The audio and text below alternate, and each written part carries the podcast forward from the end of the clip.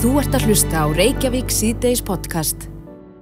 Reykjavík síðdeis, eh, það eru margir sem að fylgjast með vetrarólimpíuleikunum sem að framfara í Kína. Já, ég er aðeins búin að vera svona að kveika svona uppinu og, og svona kíkja á hvað er að gerast og mér finnst þetta reynda mjög skemmtilegt og það er alls konar íþróttir sem ég Mhm. bara vissi að veit nánast ekkert um. Nei, einmitt. En ja, krullan náttúrulega stendur alltaf fyrir sínu Já, sem að mörgum þykir einn svona undarlegast íþróttin.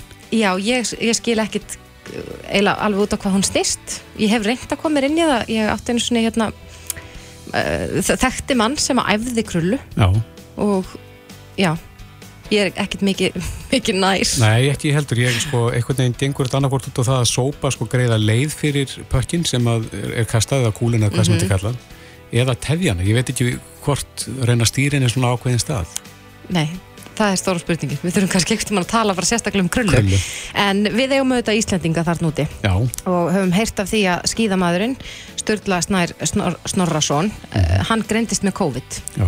úti, því miður en hann hefur aðeins verið að opna sig um það að uh, þessi sko atbyrður á sem fór í gang þegar hann greinist með COVID og, og hann var settur inn í sem sagt uh, já, svona hálfgerð gáma sjúkrahús Mhm. sem hann líkir við fangabúðir en uh, hann er á línu, hann Sturla Snær, kom til sæl Já, komið þér. Já, nýjustu fréttir að þér eru að þú ert laus úr einogrun það ekki en, en dast þá strax í sótkví. Já, ég hérna, er bara nýkomin aftur upp í þar sem að þeir hafa verið að útbúa hérna, svona sókvíjar herbyggi Mhm. fyrir þá sem að hérna, greinast uh, ekki með neinn enginni. Já, já. En uh, segð aðeins uh, frá vistinni í einogrun, þú hefur líkt þessu við fangabúður. Já, þetta var ekki það smekkilegasta sem ég farið í. Nei. En hérna, að því að ég var, fekk einhver enginni, ég var með hausverk og beinverki og eitthvað svona, þá þurfti ég að fara á hann COVID-spítala. Já. Og hérna, fyrstu dagarnir meðan ég var veikur, þá var ég svo sem ekkert að spá í þetta, en þegar enginni fóru síðan að dvína og maður var þarna leikur, þá var hausinn orðin frekar grillaður hann alltaf meira og meira. Mhm. Það var ekkert kaffi að fá og ekki neitt svona það var ekki eitthvað að fara um nefna samfélagsmeila sem við þekkjum heima þannig að fljóðlega var maður hérna já, frekar steiktur og, og þetta var ekkit eitthvað sem að var gaman að sko Hvað er einogrun löng í, í Kína? uh, sko ég var þarna í hvað, ég var með sex daga Já. og þeir vildu halda mér hann eitthvað lengur en hérna ISI og, og Andri þeir hérna voru að berjast mikið fyrir því að ég kæmist út í dag af því að þessi hvað hérna CP tala hann sem við erum alltaf að tala um og alltaf að fá þrjá svoleiðis yfir 35 til að sleppa Akkurat. Já, við heyrðum mikið talað um þessa CP-tölu í, í tengslu við sko uh, EM í handbolta að þetta er ekki, ekki mikið notað hérna heima en það, þeir eru semst að miða við það til þess að, að þú sleppir. Já, nefnir. Og eða þá er ósett neikvæður sem ég er ekki ennþá. Nei. En hvaða stríku við þetta sett í reikningin hjá þið varandi móti sjálft? Já, sko, það veldur svolítið á morgundeginum. Af Því að ég er ekki ennþá komið neikvægt. Þá, hérna, æ, þá þarf ég þarf að vera með neikvægt til þess að mega keppa. Já, já. En þú átt að keppa ekki sett á sunnudaginn. Já, á sundaginn, ekki morgun heldur hinn, sko. Mm og, og hérna síðan er náttúrulega bara líka þreki það er orðið frekar lélegt af því að ég fekk þess að veiru eitthvað hún í lungu líka Mhm. þannig að hún var frekar hessilega þessi veira Voru margir þarna eh, á sama tíma og þú á þessum spítala í einogrun? ég sko ég var ekki með neitt útsýni í, fram á gangi og að ég og mátti ekkert yfir ekki herbyggju þannig að ég veit ekkert hverju voru að koma hana inn og út en uh, bara núna í dag þegar ég var að lappa út þá sá ég einhverja einhverja íþróttamenn á minni Mm Þetta var nú frekast hérna, mar- mörg herbyggi og ég lappaði nú ekki fram hjá mjög mörgum. En það voru í hana. Já, en, en það hlýtur líka að, að setja strik í reikningina að eins og þú lýsir vistinni þarna að, að sko liggja bara og bókstala að gera ekki neitt inn í gám það hefur eflust ekki góð áhrif á bara líkamlegt trek Nei, það gerir það alls ekki, sko. Það var ekki eins og við stóðlum bór til að sitja við þarna, sko. Að maður þurfti að borða upp í rúmi og liggja upp í rúmi allan daginn mm og hérna, lítið um affriðingarefni.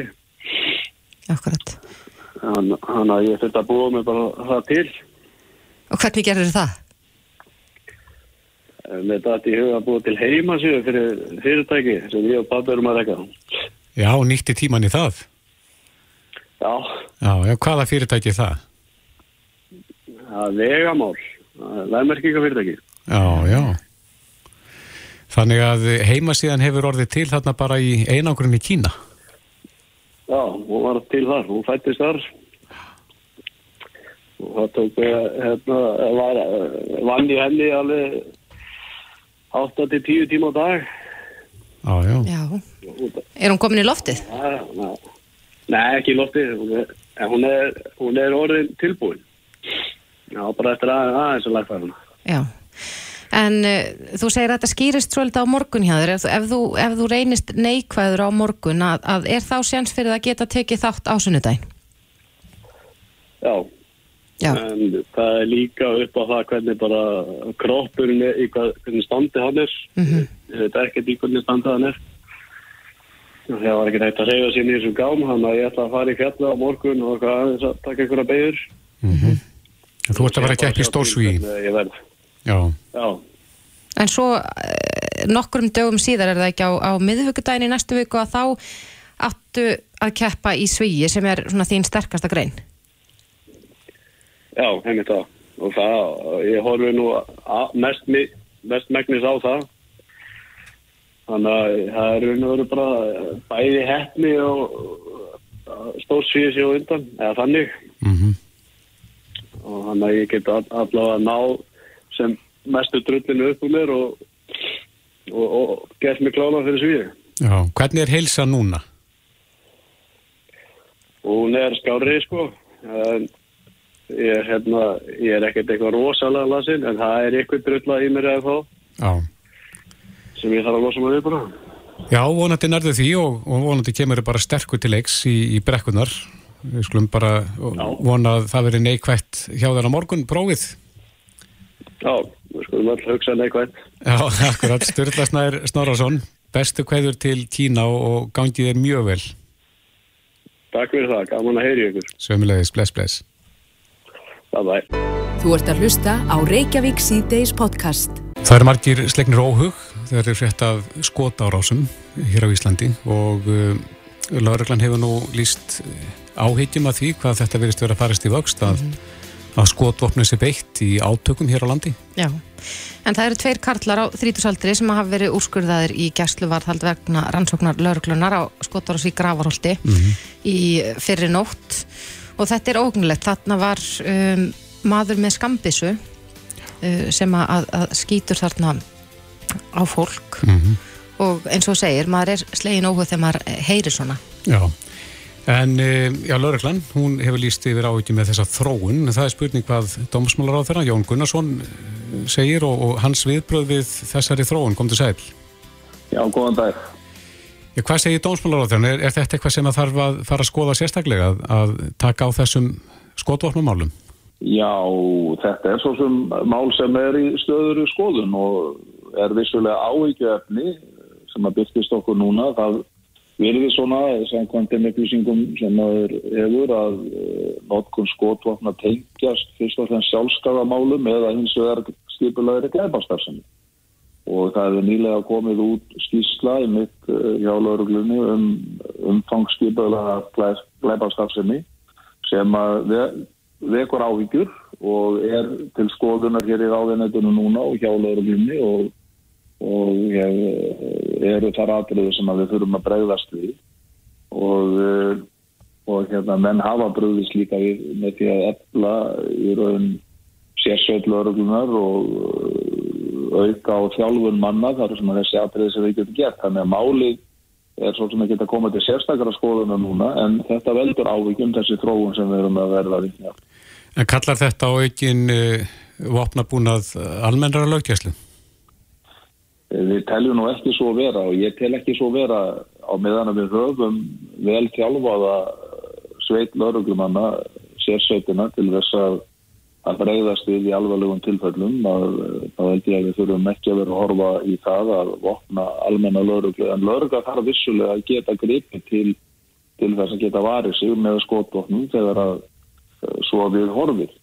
Mm -hmm. sérsveitin okkar eh, er að fara í um 300 sérsveita lauruglu er að fara í um 300 útkvall á ári þar sem að vopn eru í spilun annarkort nývar, byssur eða einhver önnur vopn og, eh, og hérna það segir okkur eh, það að það er, mjög mikilvægt að hafa vel þjálfað fólk.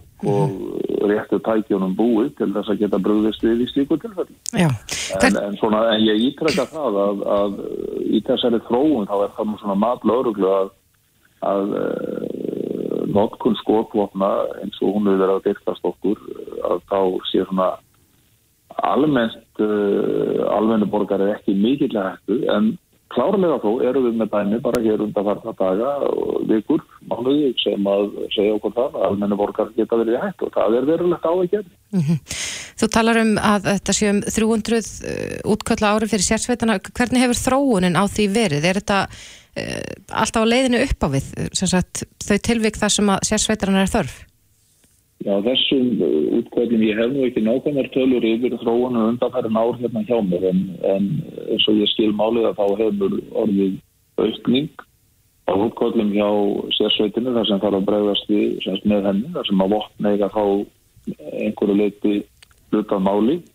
Og, uh, og við sjáum núna bara þessi dæmi síðustu mánuðum, dögum og upp í mánuði að, að hérna það er náttúrulega verið að beita skótopnum svona með þeim hætti sem að veldur verulega málið.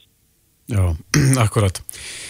En aðeins að þið verið með á línunni, Jón, að það var nú hart sótt aðeir í þinginu og, og einhverju þingmenn kröðust afsagnar þinnar sem ráð þeirra Já. vegna stöðu útlendingamála eitthvað heyrði ég á því og hérna það er bara alltaf að láta þingmenn geta alltaf að láta og reyna, reyna á það fyrir þingi hvort að, hvort að hérna ráðherra hafi tröst eh, meira luta þings og, og ég sýtti mér ekkert af því ef engar ágjör á því heldur. Nei þessi umræða tökulega með ekki mikið. Þetta snýst uh, af því hvernig við erum að vinna hér að uh, gagvar þeim umsóknum sem að berast hér um íslenskan ríkisborgararétt og, mm. og þar eru við fyrst og að við hafa það verklag sem við teljum að síðan lögum samkvæmt og verði að gera og geta jafnræði allra sem að leggja hér inn umsóknir og reyna að hafa málsraða og hafa samrænt vinnubröð á milli þess hvort sem að fólk sækir um íslenska ríkisborgararétt eh, sem að fer þá bara sína eðlulegu leið í kerfinu og er reyktur og stjórnfrísku stíi eða uppfyllum þeim lögum sem það gilda til að fá íslenska ríkisborgarar eða hvort að einstaklingar sækja um það að alþingi fjallir sérstaklega um þau mál. Akkurat. Það snýst nú, nú ágreiningur við, við einhverja í stjórnarransluðuna sem að sem að er að hafa svolítið hatt í þessu máli og, og hérna ég tók fund í gær með ofinn fund með nefndinni um, um þetta um þessi mál og, og hérna það verður að koma í ljóskunni og staðan verður en við erum að vinna fullkomlega samkvæmt um lögum sem er þetta gilda og erum að leggja áherslu á hjapparæði og, og gegsa í þessum vinnum bröðum mm -hmm. Þórhildur Sunna Þórhildur Sunna Ævarstóttir þingmaður Pirata sagði í, í gæra að það var mjög skýrt í lögum að allþingi veitir ríkisborgarétt með lögum stendur til að breyta því? Já sko þetta nú þannig að alþingi getur sett lögum hvað það eina sem að alþingi kýsa að gera og hefur bara ekkert með sko framkvæmdavaldið að gera eða ráðherra. Þannig getur Þórildur Sunna lagt fram tilluga á hingi um það að einhver ljóti íslenskan ríkisborgararétt og alþingi getur ákveð það með lagarsetningu. Þannig að þetta gengur nú svona án þess að þurfa að segja að alþingi veitir þetta að það svo kýs að gera það með lögum.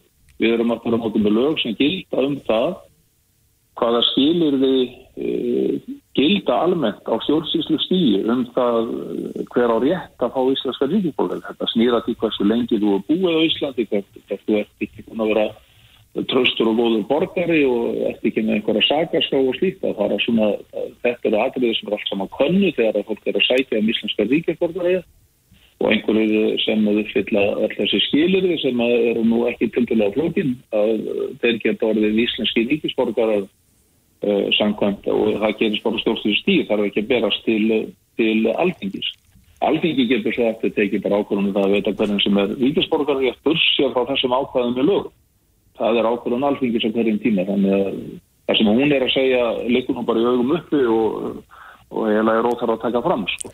En hver er hugsunar bak við það að hafa þessa tvöföldu leið annars er að þetta fari bara í gegnum stjórnkerfið og á útlendingarstofnun sjáum þessi mál og hins vegar að, að þetta sé svona pólitíst í gegnum alþingi?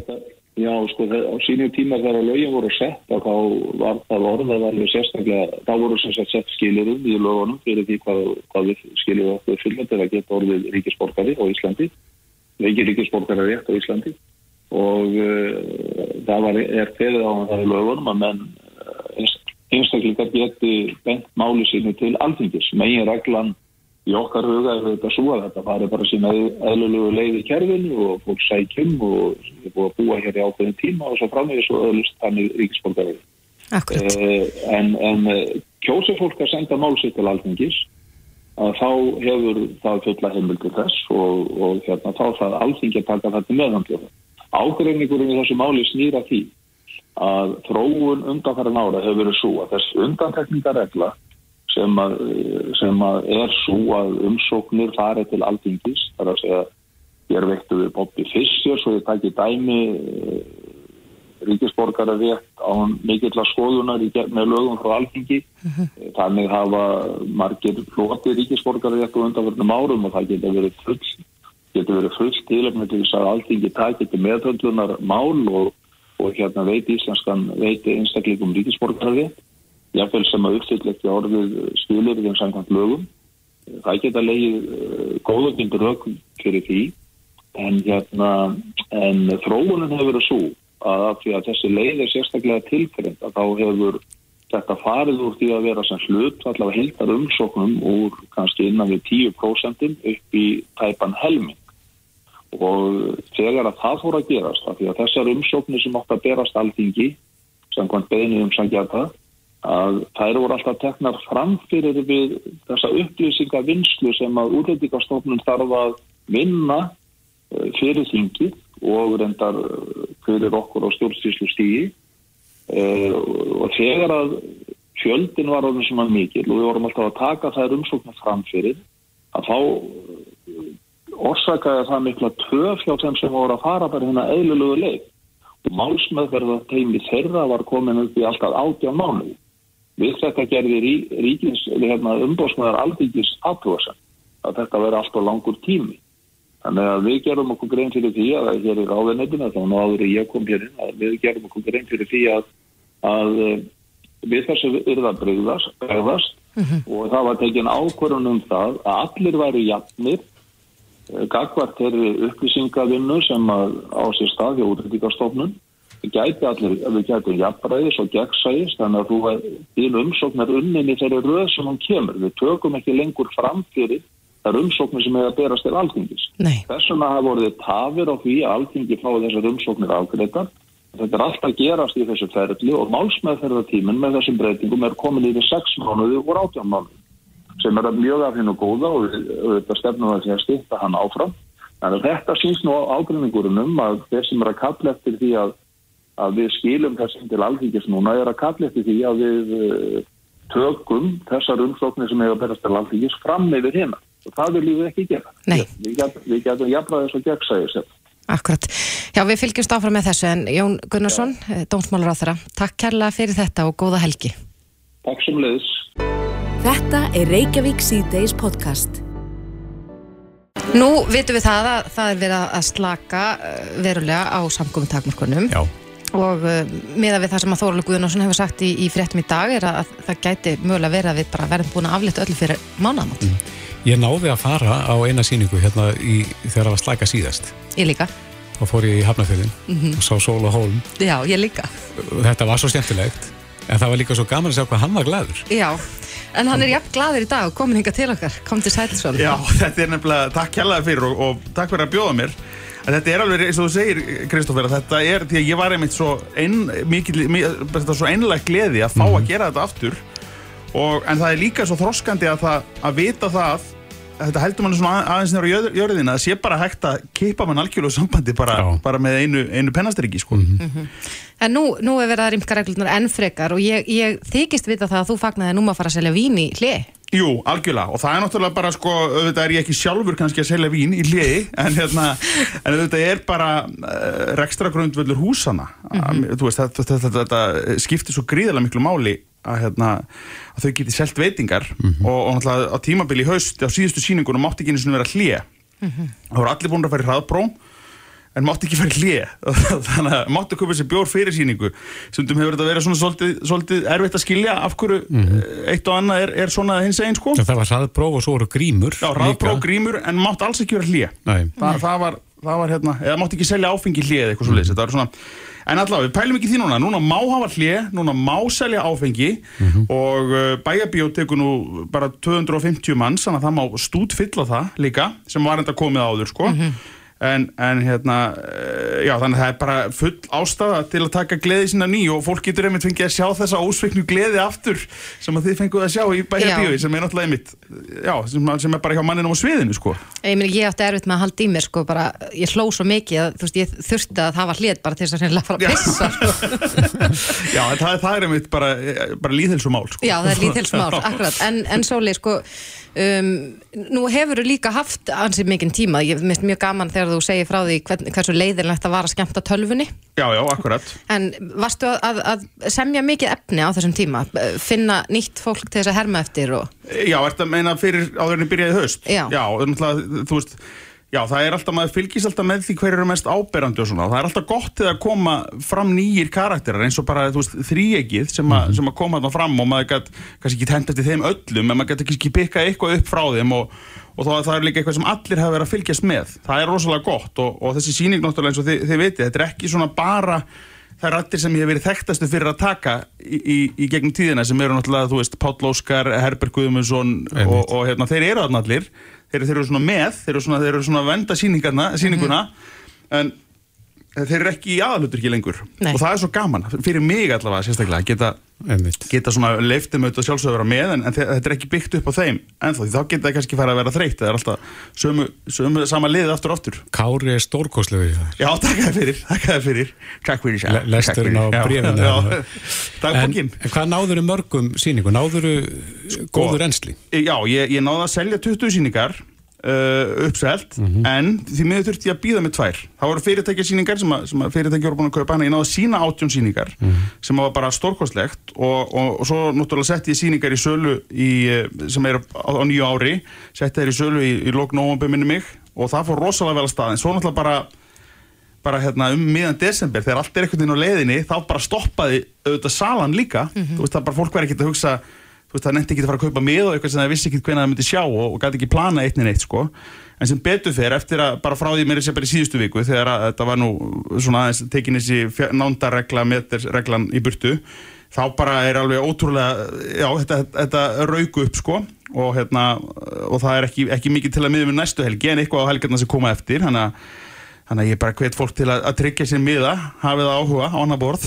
Já, en, en sko, mér finnst þetta mjög merkilegt að geta hermt svona eftir fólki Já. og þú nærði því svo vel hef, hef, er þetta sko áralöng þróun hjá þér, ertu búin að gera þetta sem varst krakki Já, já. eða ertu bara fljótur að pikka upp þetta, þetta, og- þetta, er, þetta er hérna, þetta er einhvers konar, ég bara svona, einhvern heilkenni myndi ég ekki segja frekar sko. Ekki hæfileiki. Eh, Nei, þetta er heilkenni frekar sko, að- í alvöru því þetta er eitthvað svona, þú veist, eh, einhvers konar, einhvers konar, já, róf ætla ekki, sem að, sem að, að maður getur séð einhverju einkenni í fólki sem að aðri kannski takk ekki eftir fyrir maður er búin að benda þeim á það. Hvað er það sem að þú svona einblínir á? það, ég veit það ekki ég, það er bara málið Eitthvað svona sérkenni. Eh, Já, það er náttúrulega sérkynni, þú veist, þú, þú þarft að hafa, þú veist, einhver, einhver skrít, einhver svona hljóð sem þú gefur frá þér í Mhm. hérna talandanum, þú þarft að hafa kannski einhver skrítin svipriði, skrítin hrinjanda. Já, ég íki það, en samt, sko, fyrstum sinn þegar ég var að byrja, þá reyndi ég að vera alltaf bara nákvæmlega eins og Mhm. var en ég að draga úr og En svo hef ég svona lært það að, að, að það er og gefst yfir eitt betur að bæta aðeins í. Og, en það er svona sem fyndið með, með suma karakter eins, sérstaklega Páll Óskar sem að ég byrjaði að herma eftir fyrst 2010 og mér finnst sko ekki ég hafi orðið betri palla eftir hann mér finnst eins og hann hafi komið til mótsunni Nei, sko, getur fengið smá tóndæmi bara svo Já, hlustundur sko, átti svo veist, ég, því ég, ég fatt að fyrsta sem ég tók eftir það var hann alltaf sko, það sem að ég vil gera er að mér finnst að þú er að hugsa hvernig ég get fengið að besta út í kvöldinu eitthvað svona sko og svo mér, og hann var ekkert eins svona rosalega mikið sko, Nei. þú veist, hérna En, en svo bara einhvern veginn finnst mér að hafa, hafa íkt sjálfan sig bara svona, he, þá næra mig betur. Eins og þetta er bara að að sko, það- hafa gert þetta. staðan er í alvörunni þannig að, að sko ef ég væri að hlusta á þig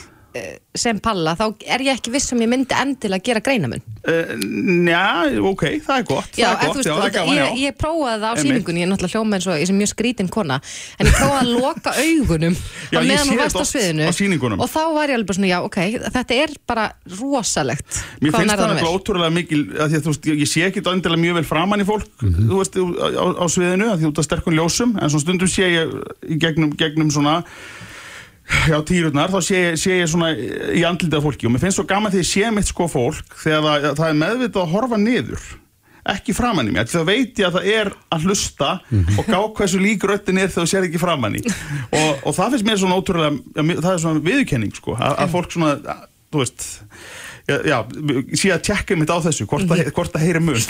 Hversu stór atriði er látbræðið? Það er, það, ég er alltaf farin að leggja meira og meira upp úr því sko, þú veist eins og með Gísle Einarsson til dæmis, þú veist að hafa náttúrulega röddinn að andir heilvar eitthvað hérna úr og bara að fann þetta hlutluði í kvöld en, en, en það er náttúrulega, þú veist, ég þarf að halla hausnum og, og lifta annar öxlinni örlítið og þú veist, þá, þá, þá er ég orðin gísli sko, en ég get aldrei sittið bara venjulegur og tala eins og, eins og gísli. Og Nei. eins með gilva, þegar við vorum að taka ljósmyndir að gilva eh, þess að mér sem gilva á sínum tíma, hann var reyndar ekki fyrir þetta plakkat en fyrir síðustu síningu, þá hérna var ég komið með skeggið og, og sjóarahattinn og, og jakkan og allt saman og, og hérna, eh, þú veist, duggarapeysun og allt klárt sko. En ég, fatt, ég var ekkit líkt, ég bara svo tók, tók hérna baldurvinu með myndirnar og við horfðum bara, þetta er ekkit líkt. Fyrir en ég lefti öxlunum þess þá lefti ég öxlunum og það kom holningin og það, þá bara, þú veist, bara við það eitt, þó þetta verið ljósmynd, sko, Já, þú veist, þá þurfti ég maður bara aðeins að, að setja sig í holninguna og það var gefnum bara komin það þannig að þetta, já, þannig að þetta er ótrúlega en það er alltaf ekki allir sem að hafa það kannski já, og Palli er náttúrulega mikið af hreyfingum og handarhreyfingar, þú veist, og svipir. Mm.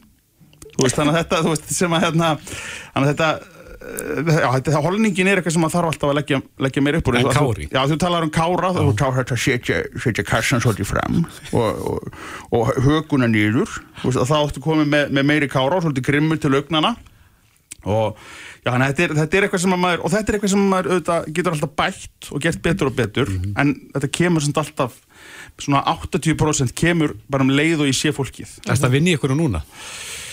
Já, ég var að fekna áskorun hérna á hann að fara, fara að stúdera Sæðlabankastjóra Já. uh, og núna er hann, er hann orðin, orðin svolítið hérna, djarfur í hækkunum og, og þá fer fólk að pæla meir í honum hver hann er, af því að hann var kannski ekki þetta er ekki eins og þetta var þegar fór alltaf bara alltaf fórsættisráðara beint í Sæðlabankan sko, þannig að fólk þarf að kynnast í svona hver hann ángin er og það veldur alltaf því, maður þarf, að vera nógu frægur, þannig að fólk tengi þú veist, hvernig hann talar og hann er svona. Þannig að Þannig að ég held ég fari núna bara að vinna í áskeri Já, ég verður Já. þá að segja að, að þá hlýtur Bræði okkar Guðmundsson að vera komin á, á mjög góðan stað í lífinu út af því að Já, hann er nú já. aðeins hluti af Já, síningunum núna alveg rétt, Þa, það er rétt, Já. það er rétt, já Það er Bræði og hérna á Belgíunu og höfum hérna sem stöndi í Garðheimum við erum, eh, hérna til klukkan eitt í dag og það er stórhundasýning hjá Hundarættafélag Íslands Þannig já, já, það, það er þetta, Já. Bragi kemur hérna aðeins aðeins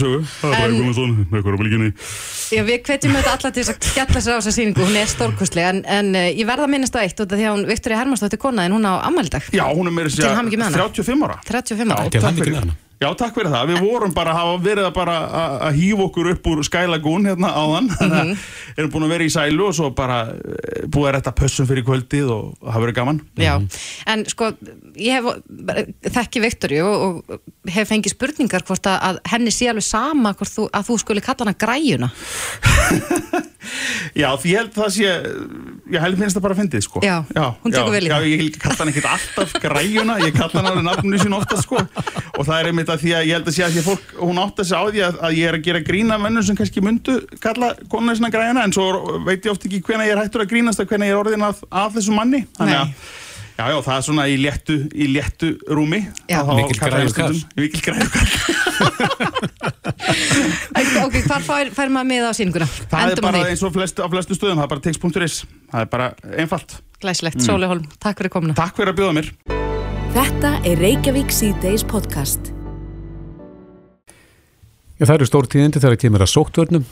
Nú er bara verið að slaka all verulega í dag Mm og það er svona bjart hljóð í Þórólfi. Hann segir stega vona því að þetta sé bara að líðandi lok og uh, ef ekkert kemur upp á, Já, að þá verði hægt að, að aflita öllu þetta fyrir mánamót. já, það eru stór tíðindi. Það eru stórtíðindi, gleðifréttir fyrir suma, Mhm. ekki eins mikil, miklar gleðifréttir fyrir aðra, það eru sumir sem eru ennþá uggandi yfir ástandur en það eru uh, ábúrslega mörg smitt en að greinast á hverjum degi. Einmitt. Víðir Reynisson, uh, yfir lauruglu þjóttnir á línu, kom til sæl.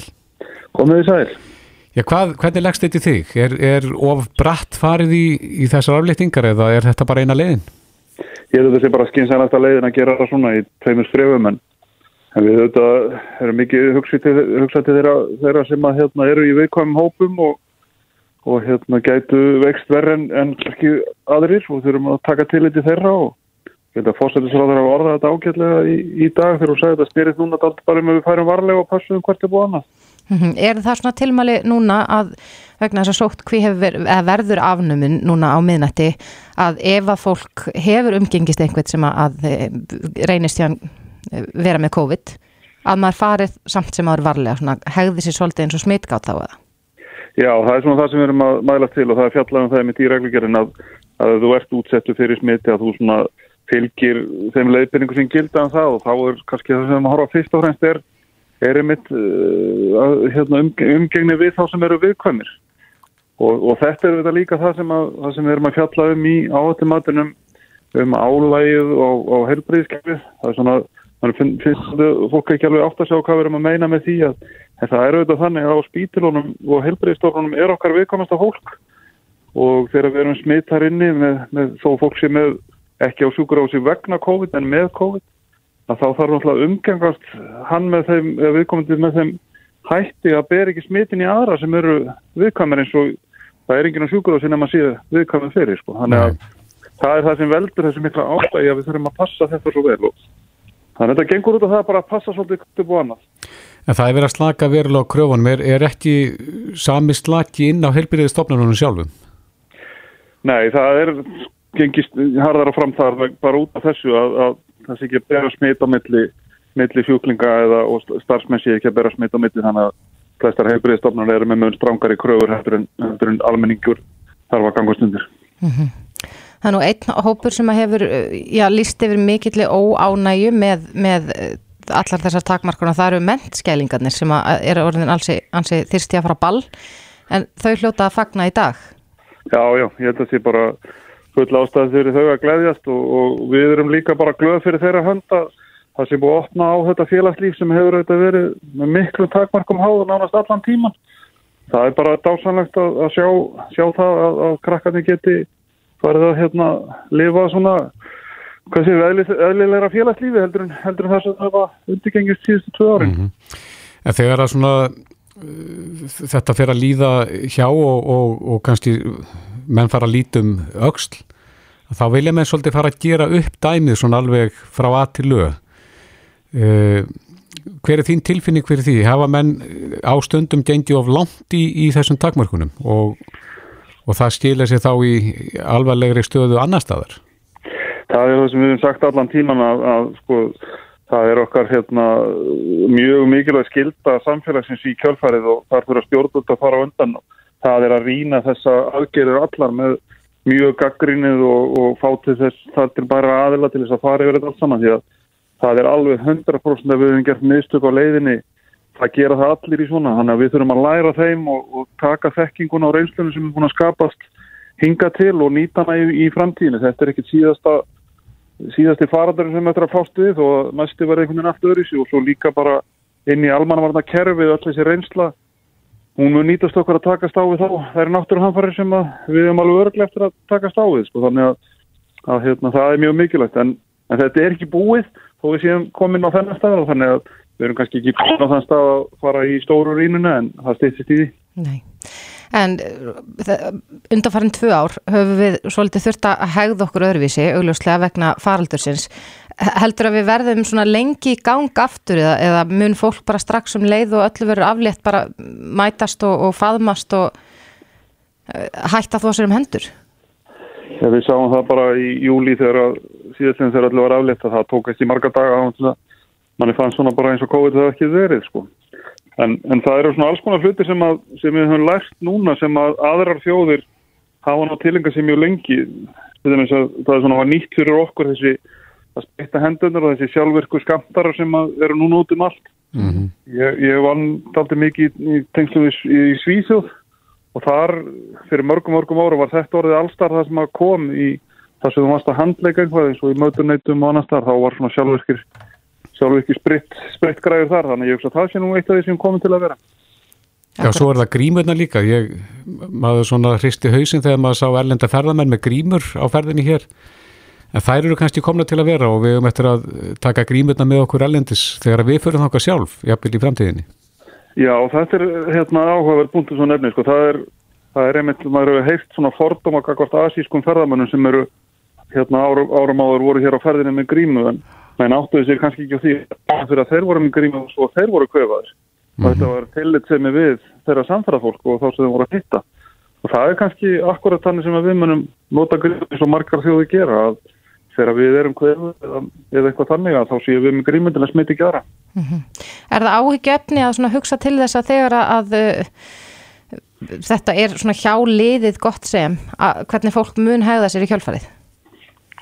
Sko, það sem við vitum alveg að gerist núna er það að smittum mun, mun fjölga. Við erum farin að greina þess að taka miklu færi síni þannig að töluna verða kannski ekki, ekki hérna sambarlegar en núna næstu tverrvíkuna mun smittum fjölga verulega og, og hérna, það getur auðvitað haft áhrif á alls konar starfsemi og fyrirtæki þar sem margi verða veikir á, á sama tíma. Þannig að það er það sem við möttum að sjá núna og og það áttur að ná kannski tótti eftir svona tværu vikur, það er allavega svona út af það gengur þetta plan núna. Mm -hmm. Við heyrðum í Kára Stefansson í gær sem að sagði að já, hann myndi helst vilja afnema allt nema einangrun. Væri það of, of bratt farið? Já, það var eina af hugmyndunum sem að Þórólur setti fram í sínu minnisblæði og, og útskýriði líka af hverju hann teldi að það var ekki gott að fara það og það er það að akkurat þetta var á bratt farið, við myndum ekki, ekki hérna, geta tekist á það álag sem það myndi skapa ef við varum algjörlega aflitt öll dag. Að séu skynsalega leiðin eins og eins og alltaf alltaf helbriðsmálastofnunin mæli með að mann það geti skrefum og, og ég held að, að, hérna, að með eins og planiði núna að vera búin að aflitt öll eftir tværu vikur og það, það verður fljótt að líða. Hvernig verður hægt að skima? Ég held að við sko munum ekki hægt að því alveg strax að, að það eru þetta mjög margir sem vilja fá staðfæsting á því hvort þeir séu með COVID því að kannski fyrst og reynst vegna þess að þeir vilja verja aðra í kringu sig og -hmm. þegar við erum það þannig ég held að við munum halda því áfram eitthvað fram á voruð Já, en Víðir, þú hefur nú staðið vaktina allan þennan tíma með glæsi brag og nú er klukkunar margt á förstu deg þannig ég legg til að við hleypum þér vonandi í helgarfrí. En þökkur kærlega fyrir þetta. Takk sem vel Reykjavík síðdeis á Bilginni podcast Það er ansið mikil spenna fyrir uh, ofurskálinni, Super Bowl, mm -hmm. leikurinn fer fram á sunnudaginn og fer fram í Los Angeles mm -hmm. og þarna eru tvö mjög sterk lið að keppa. Já, hvaða lið eru það, Bræn? Það eru Los Angeles Rams mm -hmm. og Cincinnati Bengals. Já, Akkurat, ég gískaði að hef verið svona veld af ungum yfir hvaða lið þetta eru þekki það ekki, en ég veit samt að það er fullt af fólki sem að horfir á hana leik jáfnveg mm -hmm. þá kannski skilur ekki einu svona leikreglunar og það er út af veitingunum Já Það er bara órjúvanlegur hluti af, af uh, Super Bowl að fylgjast með hérna háluleiknum þar sem mm -hmm. að verður einhver algjör veistla í ár og Skemmtatrið, sem sagt. skemmtiatrið, já Mhm. og svo er það veitingarnar Já. Ég hugsa alltaf um uh, kjúklingavændi þegar ég hugsa um Super Bowl. Já, samanlega En uh, er eitthvað meira? Spyrjum Efi Löfu kjarana því hún er nefna, nefnilega á línunni kom til sælefa Sælverði og ég var bara svöng Já. þegar við erum að tala um svona mat. En horfir þú á ofurskáluna? Alls ekki og ég hef ekki mikinn áhuga en ég hef áhuga á auðlýsingunum og Mhm. matnum. Þannig að það telur. Já, en, en er þetta rétt hjá okkur? Er, er, er sko, eru kjúklingavangir eitthvað sem að fólk er mikið að gæða sér á yfir, yfir þessum leik? Já og ég hef undarfarin ár verið með svona kjúklingavangi þó ég horfi ekki mikið á ofurskálunar en ég ger náttúrulega veitingarnar og hef deilt hjá blokkinu mín og það er mjög vinsælt. Og ég sé það ef ég er að renna í gegnum svona vinsælustu Super Bowls uppskriftir og þá kemur, kom alltaf hérna kjúklingavangir Mm Hvernig gerir þú þína? Sko, það er ofureinfalt og þá bara læti ég kjúklingavangi í plastpoka, svolítið vel af salti og hveiti, það er svolítið galdur. Mm og bara þyrsti pokan duglega, legg vangina á baksturplötu og þarf að vera að nota pappir eða eitthvað slíkt, inn í opn í 40-50 mínútur og snúa þeim við alveg tvis og þrísvar. Láta bara eldast í einfittu og svo láta góða buffalosósu eða eitthvað í lókinn. Já, þetta hljómar ekki flókið. Þetta er rosa gott og svo bara búa til gráðastasósu með sem er ofurinnfalt, bara síðurjómi og gráðastur og smá hunang í matinsluvel Mm -hmm. eða kaupana tilbúna, það má líka alveg skera niður selleri og gulrætur, það eru bara komið með hérna dýrindis rétt Mm En hvað er fleira hægt að bjóða upp á í svona, í svona ofur skálar veislum? Mér langar svo að segja Super Bowl sko en, en ég veit að við erum að nota íslenskuna, ég veit það. En hérna, sko, allt svona fingrafæði.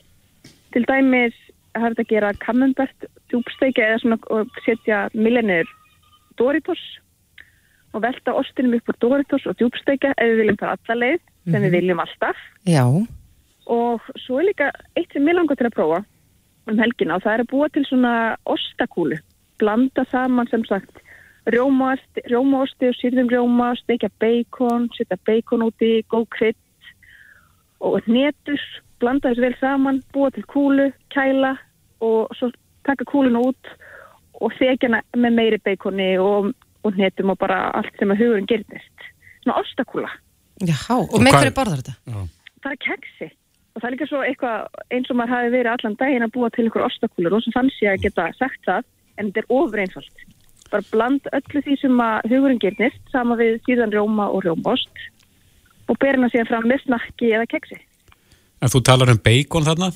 Já, ég er ósam mikið fyrir bacon Er það eitthvað sem að, sem að hitar þú síðan kúluna sjálfa og eldar hana? nei, nei, og bara steiki baconið bara þannig að það sé alveg velstök Já, og, blanda því saman við og þá verður það svona krönsi í ostinum mm ég er rosa mikið að sletta en við megum það þegar maður tala um amerískt Já. ameríska íþrótt, já En hvað með eðluna? Maður heyri nú hana stundu nefnda, er það eitthvað vinsalt eða? hún stendur alltaf fyrir sínu. Þá er það bara rjómaostur, salsasósa og rifin ostur og ég farin að taka svona Mexikoost og rífa hann niður með til að fá svona enn meira ostabræð Já, og þá ber maður það bara fram með einhverju snakki, góðu snakki, svona Doritos eða hverju sem er. Og svo eru náttúrulega alltaf kleinurhengi líka sem, sem eru svona í læginu eins og boltar Já, það má líka gera það.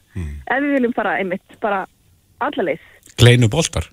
Kleinuboltar, það er náttúrulega villast og nú líka styttist í bolludaginn þannig að þeir sem vilja, þeir sem vilja taka fórskóta á svona berlínabollur Já, Það verður náttúrulega að móta svona bolta og gera alls konar. Svo bara súkulega hjúpa kringlur, svona snakk, súkulega hjúpa snakk og bara gera, já, nú er ég bara rosalega svöng. já ég verð bara að taka undir það með þér helst bara að fara að búa mér til hlaðbúr að svona veitingu. en, ég, mér heyrist þetta vera meiri sko átveisla heldur en íþróttaveisla. Ef Þetta er bara svona, fyrir mér er þetta svona eins og Eurovision, er það ekki, er þetta ekki svona fyrst og fremst átversla? Svo fórum maður svona með, er það ekki?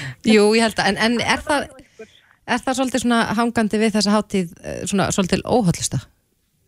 Er það, jú, er það ekki. En svo má auðvitað líka bara fá sér selleri og og eitthvað svona gott með, sko. Það má alveg. Til að hérna róa samviskuna. Já, En það er nú allt í lægi að leifa sér, er það ekki? ekki spurning, Ha? ekki spurning. Og svo er þetta eina ástæði viðbútt, það er hál, uh, hálfleiks sjóið, það er nú bara alveg sér ástæði það til þess að kaupa sér áskipt. Það er nú er engin nú- smá kanonur þar núna. Og maður býður alltaf spenntur. Ég næ aldrei að vaka allar nóttina. Ég er alltaf bara alltof, alltof gömul fyrir það ef það er þess að sálinn á mér, ég ætla að sopna fyrir tíu á kvöldin Já, já. en ég vakna alltaf spennt daginn eftir og, og byrjaði að skoða hvernig hérna sýningin var er Hverjir eru núna? Þetta er svakalegt sko. Dr. Dre, Snoop. Dogg, Kendrick Lamar og Mary J. Blige og svo er eh, Eminem.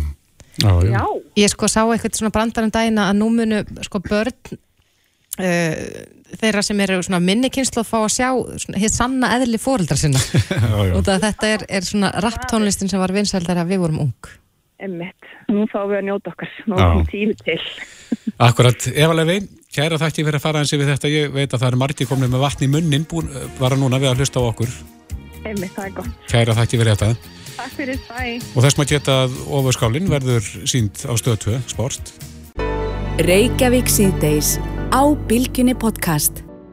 Við höldum áfram hér í Reykjavík síti svo ætlum nú að snúa okkur aðeins að, að kynlíftækja markanum Já, sem hefur heldur betur vaksið og það gríðarlega núna á síðustu missurum mm og það, það er líka merkilegt að fylgjast með því að, að þetta sem áður var svona feimnismál mm tabú, Já. það þetta var, var eitthvað svona maður lættist þarna inn með hettu og, og nú er þetta bara á allra vitorði og þetta er auglist og, og, og núna á dögunum var hún gerður Huld Arnbjarnadóttir sem er eigandi blöss.is og blössverslunarinnar valin markaðsmanniska ársins á, á vegum Ímark. En gerður sem stödd er í Dubai akkur núna, hún er á línunni hjá okkur í dag, kom til sæl. Hæ, hæ, takk fyrir að hafa samband Já, og til hamingju með þessa nafnbót og, og voruð ekki síðan líka eh, þeir í versluninni að, að vinna til verluna á vegum Brander í gær Jú, herri, við unnum líka besta íslenska vörumerki og þetta er eiginlega bara frábæra viðbót svona, og stiður svolítið við það að ég hafa verið valið markaðsmannski ásens. En nú erst þú búin að vera, hvað erst þú búin að vera mörg ári í þessum bransagerður? Þetta eru komin 11 ár. Ég var 21 stegi byrjaði og nú er ég 32, þannig að það er 11 ár þegar ég byrjaði að selja viðbróðdóra. Akkurat. Ef, þú- ef þú hugsar sko 11 ára aftur í tíman, hefur þú séð þetta fyrir að, að eh, sko þú værir markasmanniski ársins og, og uh, þetta vörumerki svona mikil smetið, svona miða við svona tíðarandan sem var hérna fyrir bara 10 árum síðan? Nei, ég get alveg sagt að þetta komið virkilega óvart og ég er ótrúlega þakklátt fyrir það að það sé verið að taka tilstækja bransunum alvarlega. Og hérna, já, af því mín svona upplifun alltaf fyrst til að byrja með því ég var að byrja með blöss var svolítið svona eins og þetta væri eitthvað svona second class eða eins og þetta væri ekki ja, hérna, erfitt og annar stýrtækja rekstur. Já, En þetta er, já, þetta er ótrúlega skemmtilegt að fá þessu nafnbót og viðkynningu fyrir það að vera samt sem vel. Mhm. En hver er galdurinn að bak við þetta? Hvað, hvað gerður til þess að komast á þennan stað? Ég held að galdurinn að baka þetta sé svolítið bara þessi ástriða. Þú veist, ég hef innlegan áhuga á því að bæta kynlíf Íslandinga og svo held ég líka að því svolítið það að við erum að einbjöta okkur að þessari upplifin og fæðslu. Þannig að við erum ekki bara að reyna að selja einhvers konar vöru, heldur við líka að reyna að fræða fólk. Akkurat. En nú á undan förnum árum hefur maður nú tekið eftir því bara í, í sko fjölmiðlum og á auglýsingamiðlum að- þessar verslanir eru orðnar mjög margar. Er, er hörð samkeppni í þessum bransa? Ég veit ekki alveg hvað ég get sagt með það. Við vera svona samkvæmt nýjustu mælingum frá Menika þá erum við með 86% markasluteld. Þannig að ég veit ekki hvað þessi hörð samkeppnin er. Veist, við erum allavega alveg með yfirgnefandi meirum hluta Akkurat. og við stefnum allavega bara á því að halda því áfram og halda áfram að einbjöta okkur af því sem við erum að gera og kannski ekkit einblýna ómikið á það sem aðrir eru að gera. Nei. En er, er breið vörulína í þessum uh, flokki, þar að segja í flokki kynlífstætja, er, er, eða er þetta bara svona einslitt?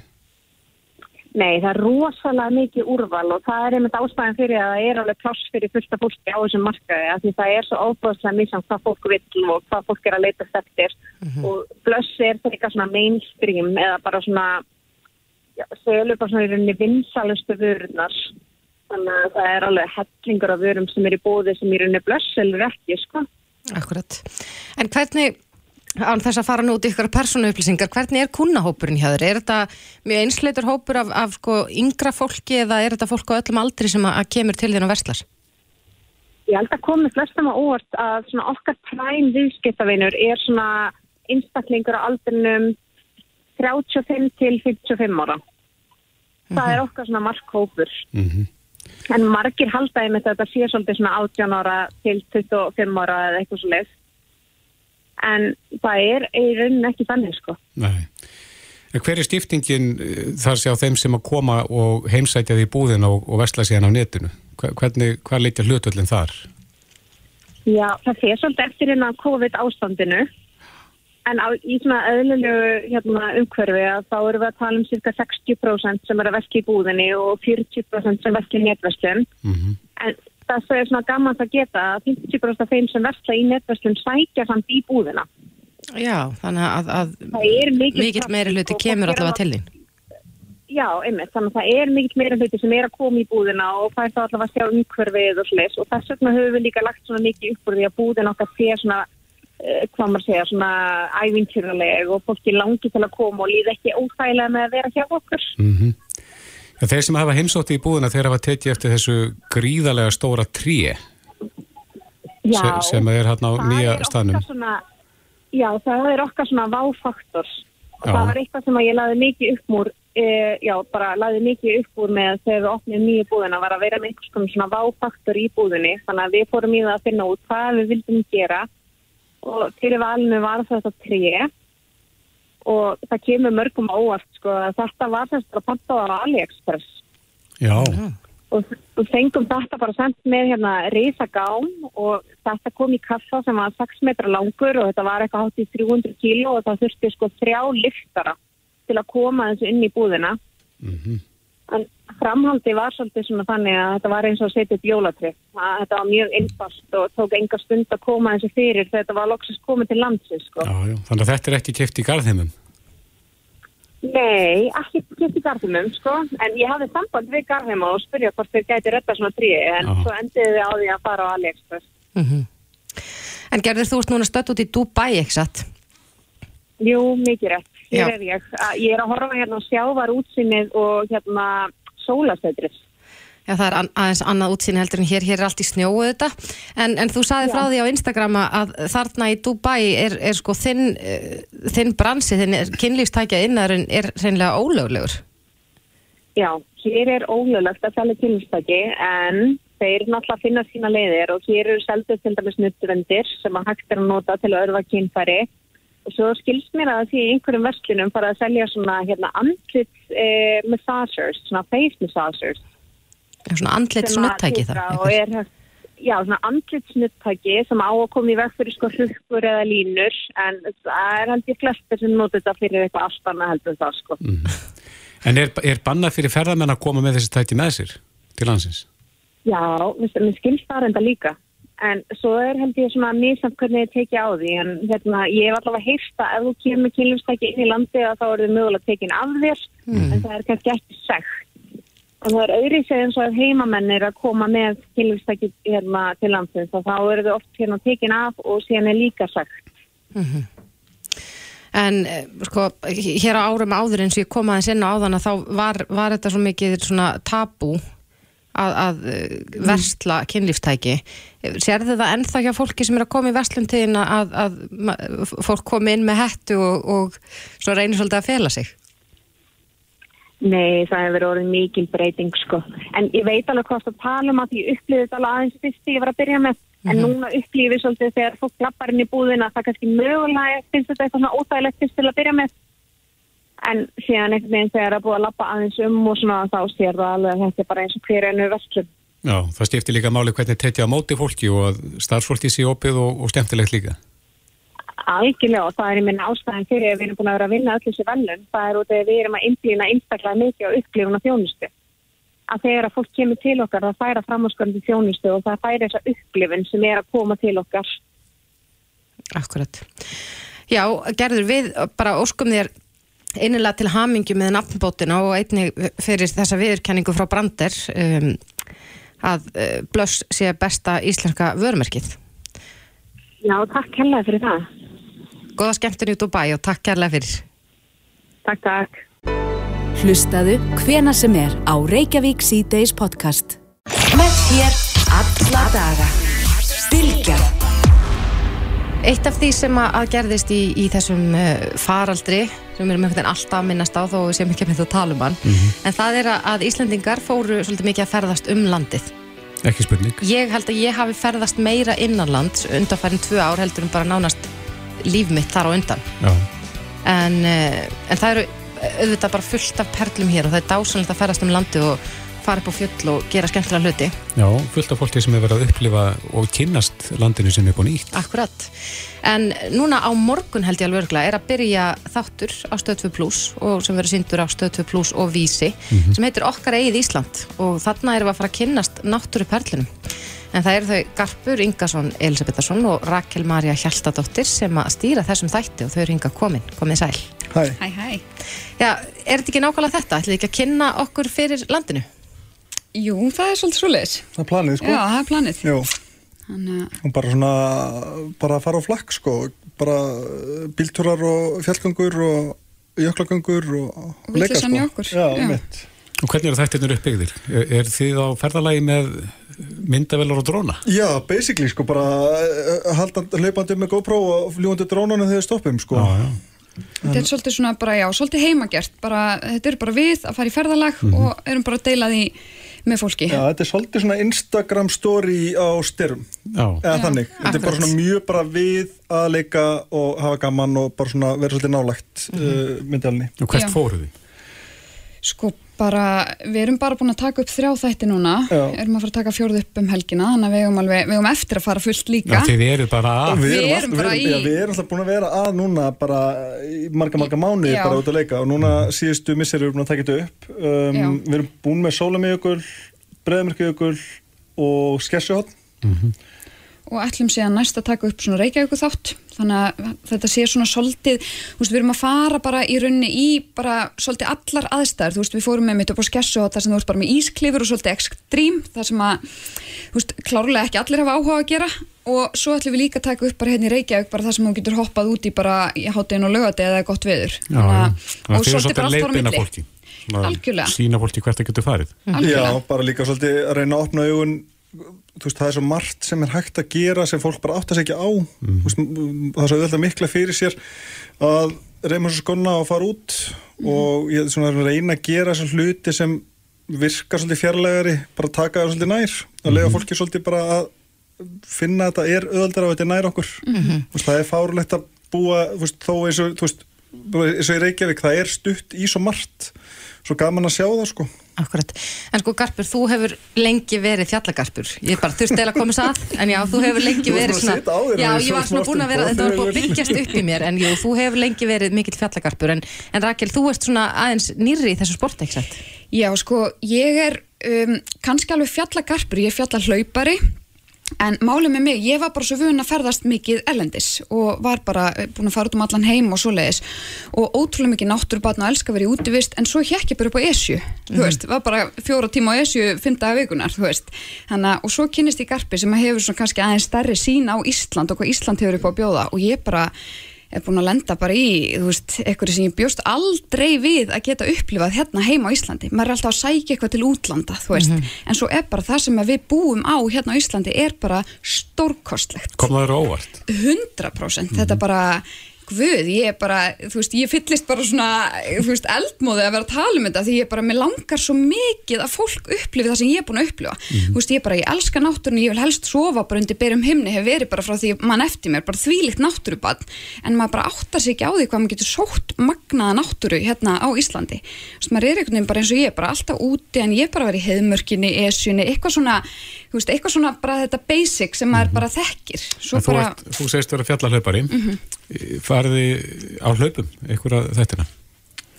kannski í sumar Ok, Já, við ætlum að vondi höldum við sáfram í sumar og þá hérna fáum fá reyma okkur skona og, Mhm. og þá fæ ég alltaf hana Já, þú eldir hana á hlaupum, en, en er það öfugt á göngum eða hvað? Nei, bara Já. þegar við förum mjög bratt þá hérna fæ ég að leiða Já, en, ég- en, sko- en annars er hún alltaf vel undan mér sko Ég fylgi ykkur báðum á Instagram og ég verða að viðkynna að ég var nú bara svona pín skelku þegar þið voruð upp á skessu horni. Já, þú veist ekki einum það að vera skelkuð Nei. á þeim tímapunkti. Þannig að það eru kannski ekki allir þættirnir eitthvað sem að, að maður ætti bara að rjúka út og apa eftir ykkur. Nei, alls ekki. Nei. Og við tökum það alveg fram þegar Já, að já. þetta er svoleiðis aðstæður. og líka bara, ég held sér meira bara að þú veist, freka bara að þá koma sér á stað, þú veist, það eru fullt af sem við gerum þetta í samstarfið með þessi ferðarfélagið og hérna, og þau, þú veist, það er að gera þetta svo margan hátt, þú veist, þú þarft ekki að byrja á skessuhotni, en þið langar í svoleiðis ævintýri, þá getur þú byrjað einhver stöðar Mhm. og hérna, og, og þetta á ekki að vera bara elda okkur upp á skessuhotn, þetta er svolítið bara, þú veist, þessi ævintýri býða, sko, þessi ævintýri Mhm. til Einmitt, Þetta er í bóði þetta er í bóði, þú veist, og maður þarf bara kannski að koma sér bara af stað, sko Er, er eitthvað fróðleikur um staðina sem þið farið á, á Uh, meðan þið gangið? Nei, er ekki þetta fyrst bara að ég, njóta náttúrunnar og- ég er náttúrulega sko eh, við erum leðsögumar í mörg ár Mhm. og mér sko ég er ég er eins og í Rakel og börnin mín ég er alltaf hérna, veistu hvað þetta fjall heitir, veistu hvað þetta hérna er og eitthvað og ég er svona reyna búin að bæla hann svolítið niður af því að alltaf nennir því enginn sko en ég er svona að teka þessu búið jökli þú veist, okkur jökutum blár Mhm. eitthvað svona, eitthvað svona smá svona sem Smá er svona ég er fróðleiksmóla. að íða í skinninu að koma á framfæri svona einhverjum svona litlum hlutu hér og þar sko og hérna, en, en svona hlífi svona við svona, svona pappa gætinu sko okay. Þetta er meira svona skemmti þáttur kannski Já. heldur um fræðslu þáttur þannig Já. Veist Svona við að fá að fylgja ykkur í þessum Já. ferðum ykkar. Já, og bara sjá, þú veist, upplifa vonandi í gegnum okkur þá þessa mögnuðu staði sem við erum að, að fara og, og kannski býr til einhverja löngun hjá fólki til að fara á stað sjálft. Er ekki drónin alveg nöðsynlegt tæki svona? Jú, og það eru bara svo margi staðir sko sem þú áttar ekkert á hvað er klikkaður fyrir þú færð sko drónaskotið inn í það, Já. þú veist, að því að bara eins og og það er alltaf það sem við erum búin að gera, ég er búin að draga Rakel hinga og þangað á staði sem hún kannski held að hún gæti ekki og ég bara þá trú að hún bara getur allt. Þannig ég er bara ákvæði að við bara gerum allt. Þannig að við eins og við fórum að hundranga í, hérna, í fyrra og svo skessu þetta núna og það er í venjulegu myndavælum, í símum, öllu þessu, þá sérst ekkert endilega hvað þú átt að gera. Þú veist, þú bara, já, þau eru svona, eru einhverju smá halla eða eitthvað. En svo sér þetta í drónanum, þá allt í hennu bara upplifuru hvað er umverulega að gerast, sko. Hvað er er styrlað, sko. Og það bara gefur þessu bara eitthvað vægi. Er þáttur, hvernig fer hann í loftið? bara í fyrramálið, Í á vísi. Já, Það var- eh, kemur á vísi byrjar þar. Já, það er hérna við tala okkur í dag á vísi sem er svona, verður svona einhver kynning á þessu og það er að sína frá alls konar öðrum ferðalögum. Smá svona intro bara. smá intro á svona alls konar og hérna og svo fer þátturinn í loftið hérna bara, já, í fyrramálið á vísi Mm, Já, svo veit ég ekki meir sko. Glæsilegt, við fylgjum öll spennt með en Garpur Ingarsson Elisabetharsson og Rakel Marja Hjaltadóttir Takk kærlega fyrir komin Takk að kærlega fyrir Olsdóttir. Reykjavík síðdeis á bylgjunni